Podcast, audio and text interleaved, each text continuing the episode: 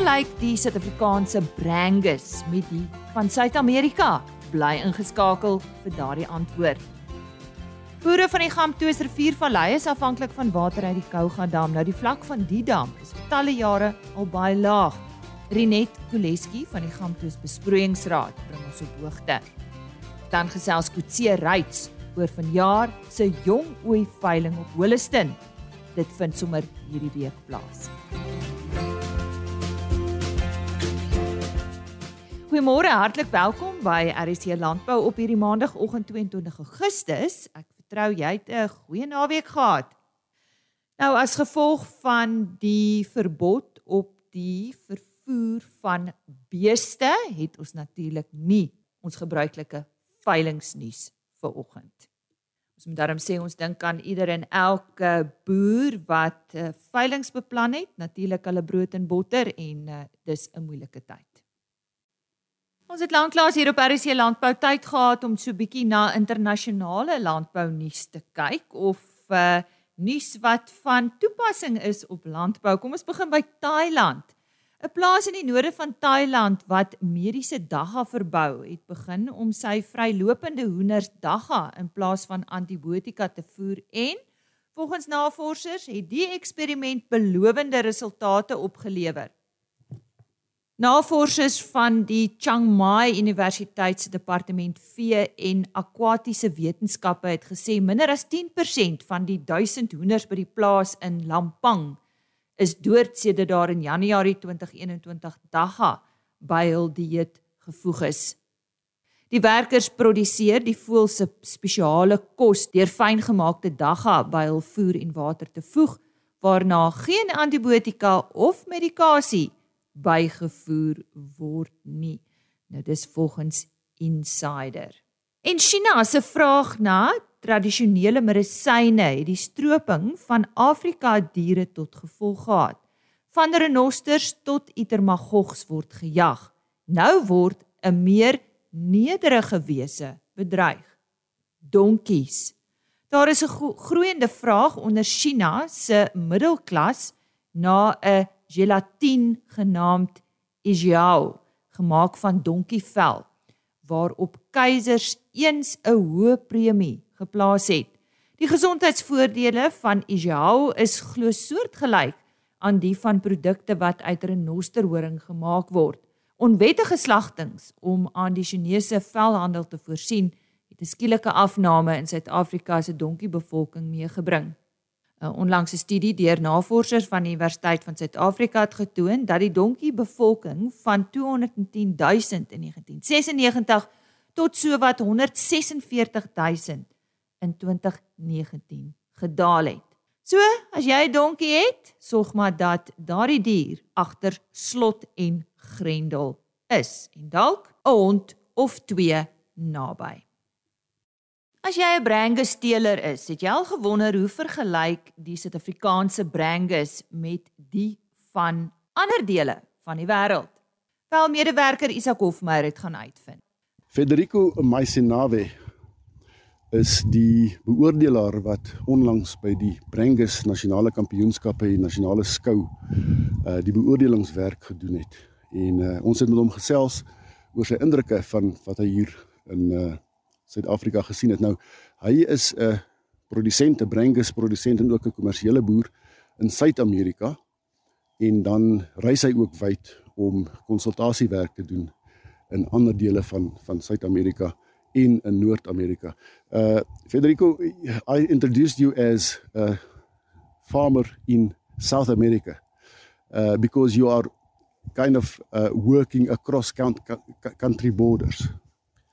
Yes, that's that's uh, that's right. Um, I our family ranch is based in Uruguay, and uh, our enterprises are based in in Paraguay. And I travel a lot back and forth. I visit a lot of Argentina, also south of Brazil, and once a year, twice a year, the United States. Now, you have, in other words, a very good base, a frame of reference to talk about the South African experience and, and, where we are. So, so what is your your impressions of what you saw here of, of Brangus cattle in South Africa? Yeah, I've been here once uh, with a very interesting tour. We took a 10 days tour through ranches, uh, maybe more 15 days tour uh, back in 2015. And uh, I came over this time also for, for judging in the Brangus national shows. Um, and I saw a lot of cattle these last uh, couple of days. And um, I think uh, you're standing in a very good position. I like what I saw. Uh, there is a, a, lot of entrepreneur here through the farmers in, in, in South Africa, and uh, the Brangus breed is in a very good situation as far as I know. Now, uh, type wise and, and niche wise, can you compare us to your experience in, in the Americas? Sure. Uh, I think um, I really believe that uh, the, the, the, South, South African Brangus uh, can help us a lot on on on feed legs and, and, and moderation fertility. Uh, I think um, you know the, the we're gonna talk later, but uh, you're based on, on, a different gene pool than we are based in South America. So I believe that uh, both types inside the same breed can complement each other a lot. Uh, I'm really, I'm really, I, I, just confirming it again this time. You know, I, it was my suspects uh, uh, the, the, very first time. Uh, I saw very interesting stuff among the producers here in cattle, and uh, I'm just confirming that now that uh, obviously there is there is quite a few traits that we would like to have from your cattle down there in South America. Um, um, we need to we need to start working on on exchanging genetics and experiences. What are those traits that you're talking about that we have? Uh, I think that uh, your cattle is is very fertile. I, I love that from seeing your females. I went through the catalog of the sale I mean, the, from the show, and I I, lo- I, saw a lot of females, and the dams from those bulls that I saw uh, were very fertile. You know, early early pregnancies, uh, short uh, calf intervals, um, cows uh, winning uh, interesting percentage of the body weight of the cow of the yeah of the cow through calves. Um, foot and legs feet, feet and legs, uh, hooves. Uh, I think you have a very interesting type of animal that could help us a lot uh, down there in South America as well. So, if you if you highlight these traits, does it imply that you have a, a shortage uh, over there in those? Uh, we have a large volume of Brangus, uh, I have to say, but we are not that uniform on those traits. You know, we have more variation and um, I think uh, you are a little ahead of us in those terms. Mm. Let's talk about um, farming practice. My impression, and it might be totally wrong, is that you are much more extensive than us. A lot more cattle per per unit per farm. Uh, yes, uh, some of the um, it varies a lot through through regions, but uh, I would say that we are a little more intense on on, on grazing um, average there would be uh, the carry capacity, let's say one cow every three hectares. Uh, in, the, in the places I work with, uh, we are at uh, one cow every one hectare uh, on grass. Um, we we implement mob grazing. Uh, we we work a lot on on fencing and electric fencing and rotations and uh, but uh, as for, let's say, native grasslands, we can talk about one cow every two, three hectares on, on implanted pastures and grasses. We, we can talk about one cow every one hectare.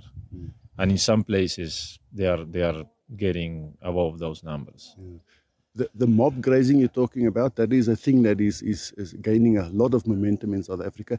What are the, the immediate results that one would see if you start mob grazing?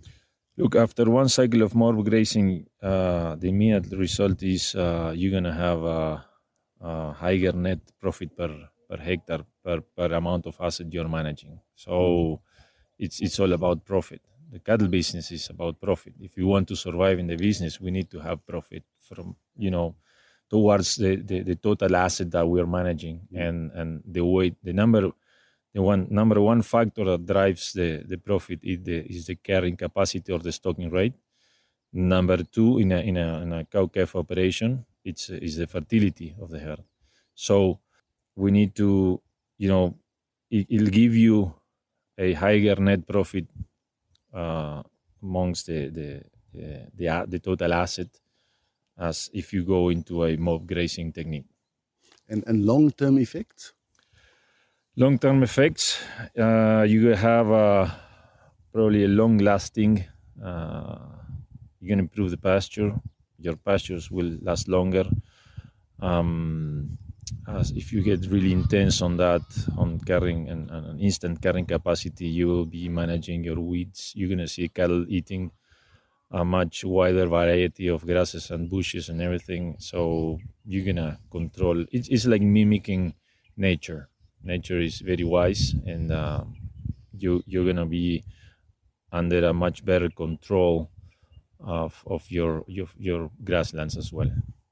En so vergelyk die Suid-Afrikaanse Brangus met die in Suid-Amerika.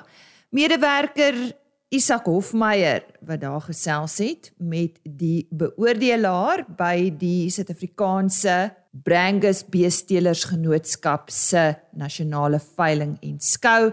Sy naam is Federico Massinave. Hy is 'n Brangus produsent daar in Uruguay en ook natuurlik 'n beoordelaar. As jy nou eers ingeskakel het, goeiemôre. Jy luister na RSG Landbou. Baie welkom. Vir meer oor vanjaar se jong ooi veiling daar op Holliston, sluit ons nou aan by ons ander medewerker, Koos de Pisani daar in die Noord-Kaap. Holliston Vleiskoöperasie en Holliston Boerevereniging bied in Augustus weer 'n groot uh, jong ooi veiling aan en ek gesels met Kotse Ryds oor die veiling. Kotse, uh, wanneer word die uh, veiling aangebied? Ons hou die veiling op uh, Woensdag die 24ste Augustus.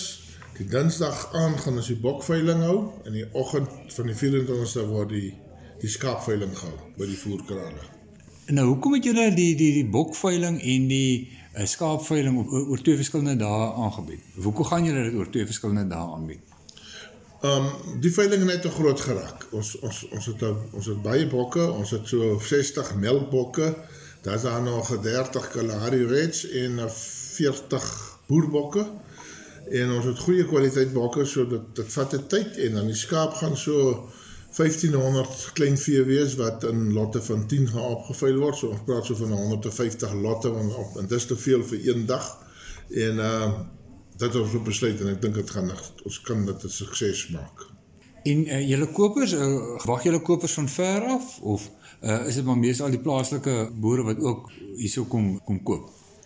Nee, ons ons het baie belangstelling van redelik wyd af, veral spesifiek oor rondom die bokke Dit is regtig waar van ver wêreld af belangstelling. Ons moet nou maar kyk of hulle kom. Dis mos uh maar ek dink daai belofte is baie maar 'n leë belofte, maar ons ons ons verwag daar is baie belangstelling en vir die skaap ook is daar en ons het vir jare wat in die afgelope paar jaar nie gebeur nie, sal ons plaaslike mense ook hê wat gaan belangstel en gaan diere koop want ons ons veegetalle is as gevolg van die droogte nog baie laag. Watter uh, rasse, wat watter bok en skaap rasse um, gaan julle aanbied? Die bok, die melkbok het ons hoofsaaklik Sanens in in Britse Alpyne en maar daar's ook 'n paar Toggenburgs by. En dan is die Kalahari Reds en dan die boerbokke. Wat die skaap aanbetref het ons ek wil amper sê alles. Ons het uh, Donie Merinos, ons het dorpers, wit dorpers en ons het heelwat meatmasters en dan is daar ook heelwat kruisrasse. Die dorper gekruis met 'n van rooi of die dorper gekruis met 'n meatmaster en So ons het baie en is jong oeye. Hulle die vereiste is hulle moet hulle mag nie ouer as 2 tand wees nie. En uh die meeste van die diere wat op die veiling kom dink ek gaan ook dragtig wees, klaar dragtig wees. Ons het 'n afslaer gekry, Tersmaree is ons afslaer, maar ons as koöperasie en boere bied hom aan in sy totaliteit. Ek uh, sê wie wie kan gekontak word uh, vir enige verdere inligting rondom hierdie jong ooi veiling van julle? Ons kan vir David Hodgson of Belinda Tron of Hernes uh Leroux kan gekontak word. Hulle is as jy by ons by die koöperasie werksaam, so enigiemand van hulle kan gekontak word en hulle kan maar vir my jou kontak. Het julle enige aanlyn veiling opsie ook wat uh, julle uh, saam met die veiling hou? Ons gaan nou nie vir jare aanlyn opsie hê nie. Die goed het net vir ons te duur geraak. En uh, maar ons het nou hier ter elde ure gehoor van 'n ander platform, maar ons sal dit nie nou kan bykry nie. Ons gaan vir jaar net sonder die aanlyn een werk. Dit was ek het sien reis het so gesels oor die jong ooi veiling wat uh, binnekort aangebied word. Uh, ek is Koos de Pisani vir RSC Landbou op uh, Wollaston. Nou ja, dis sommer hierdie week baie sterkte ook aan die uh, boere daar in Wollaston en omgewing en Kutse Rights wat elke jaar ten spyte van moeilike omstandighede voortgaan met hierdie geleentheid.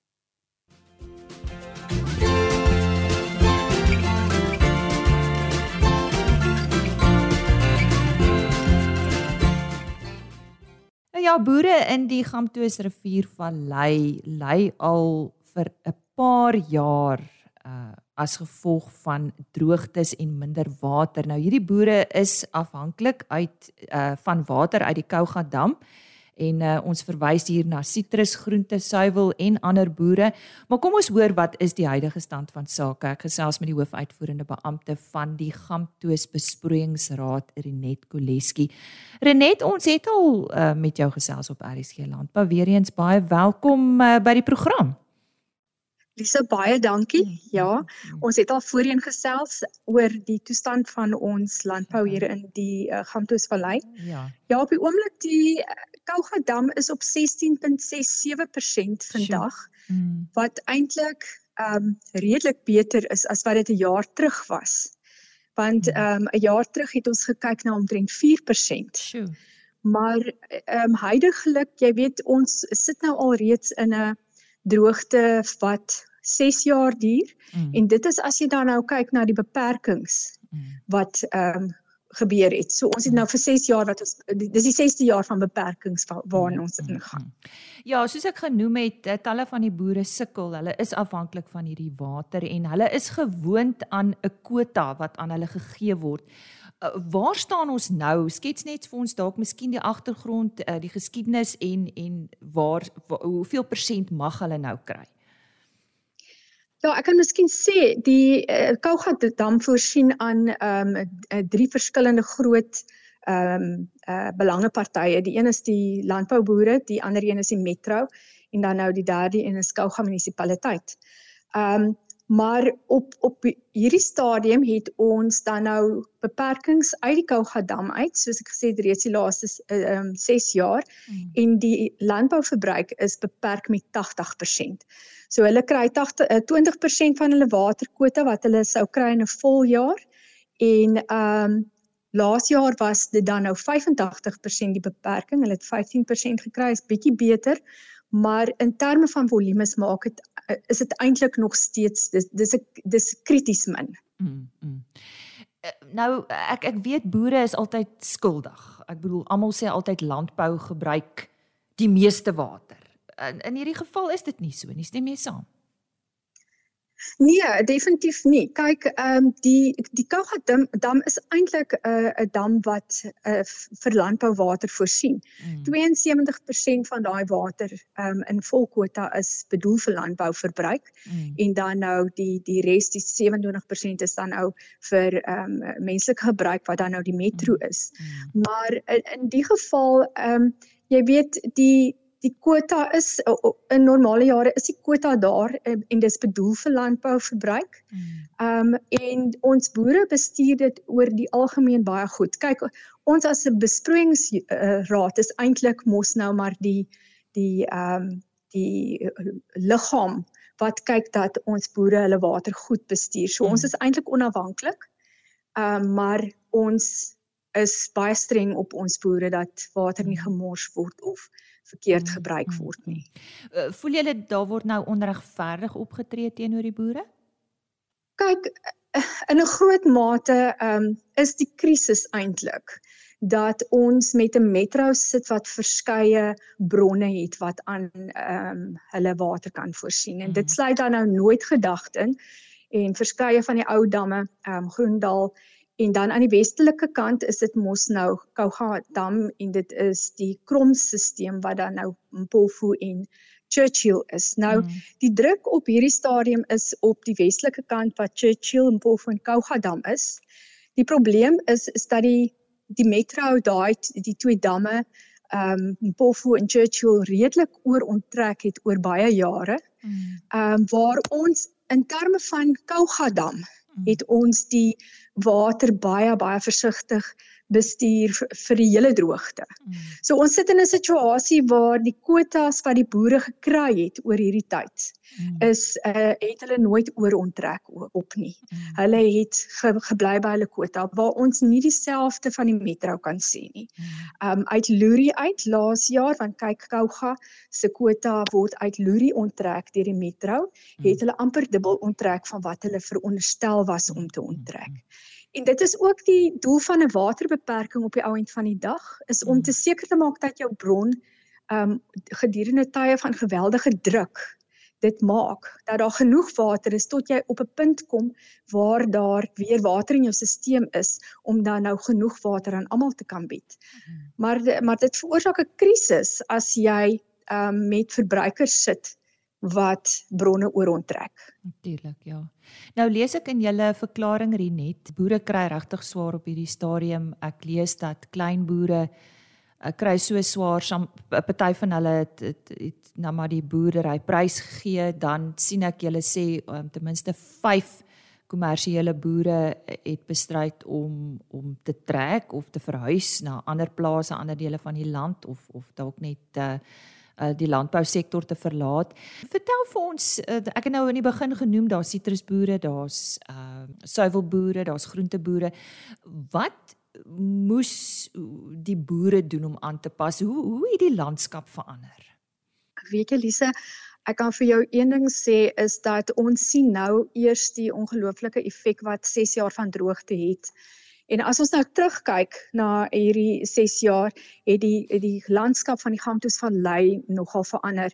Jy weet onder waar jy jou melkbore kry, baie van daai melkbore het um op die ouend getrek na areas soos Oesterbaai, die wat dit kon doen omdat veiding so baie water vat en daar die water net eenvoudig nie beskikbaar is nie. Ons kontant gewasboere hulle het weer um en doen nog steeds op 'n baie intensiewe vlak boer op ander dele of in ander dele van ons land wat meer waterryk is.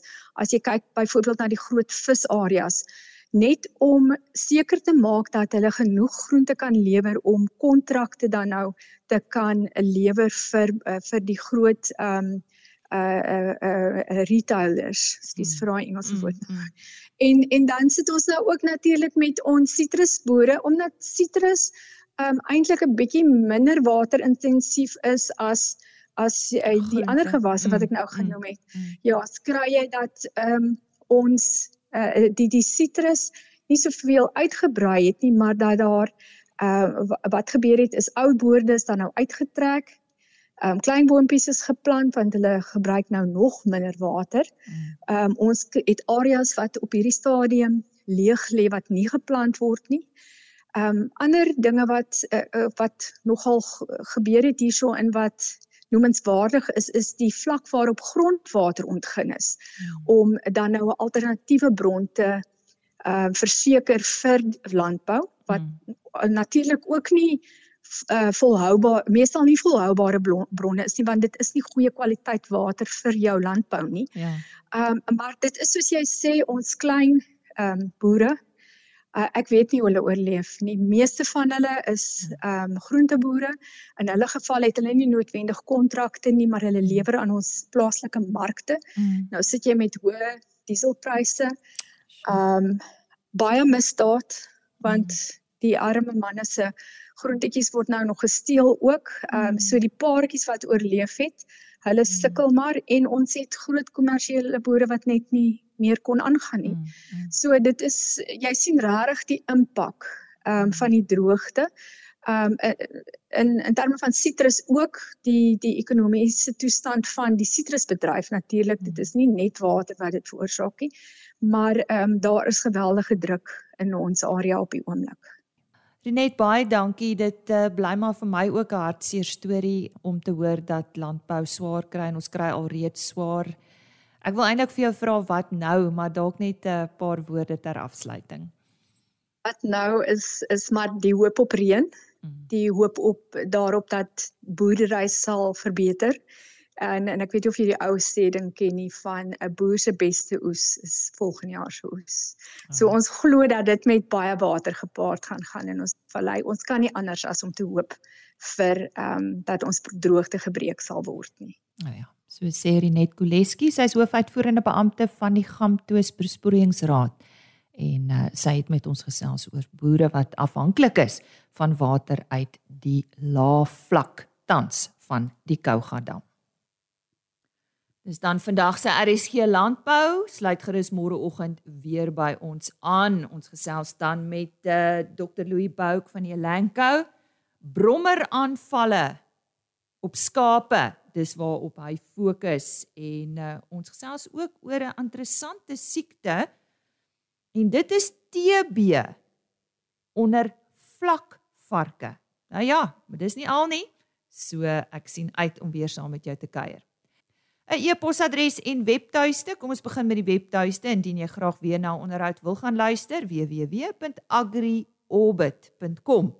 Kyk net onder podcast en daar is RSG landbou en al die onderhoude is daar gelaai. Alternatiefelik rsg.co.za, daar word die program onder potgooi volledig gelaai. En 'n e-posadres rsglandbou@plaasmedia.co.za www.rsg.za. Totsiens. RSG Landbou is 'n plaas media produksie met regisseur en aanbieder Lize Roberts en tegniese ondersteuning deur Jolande Rooi.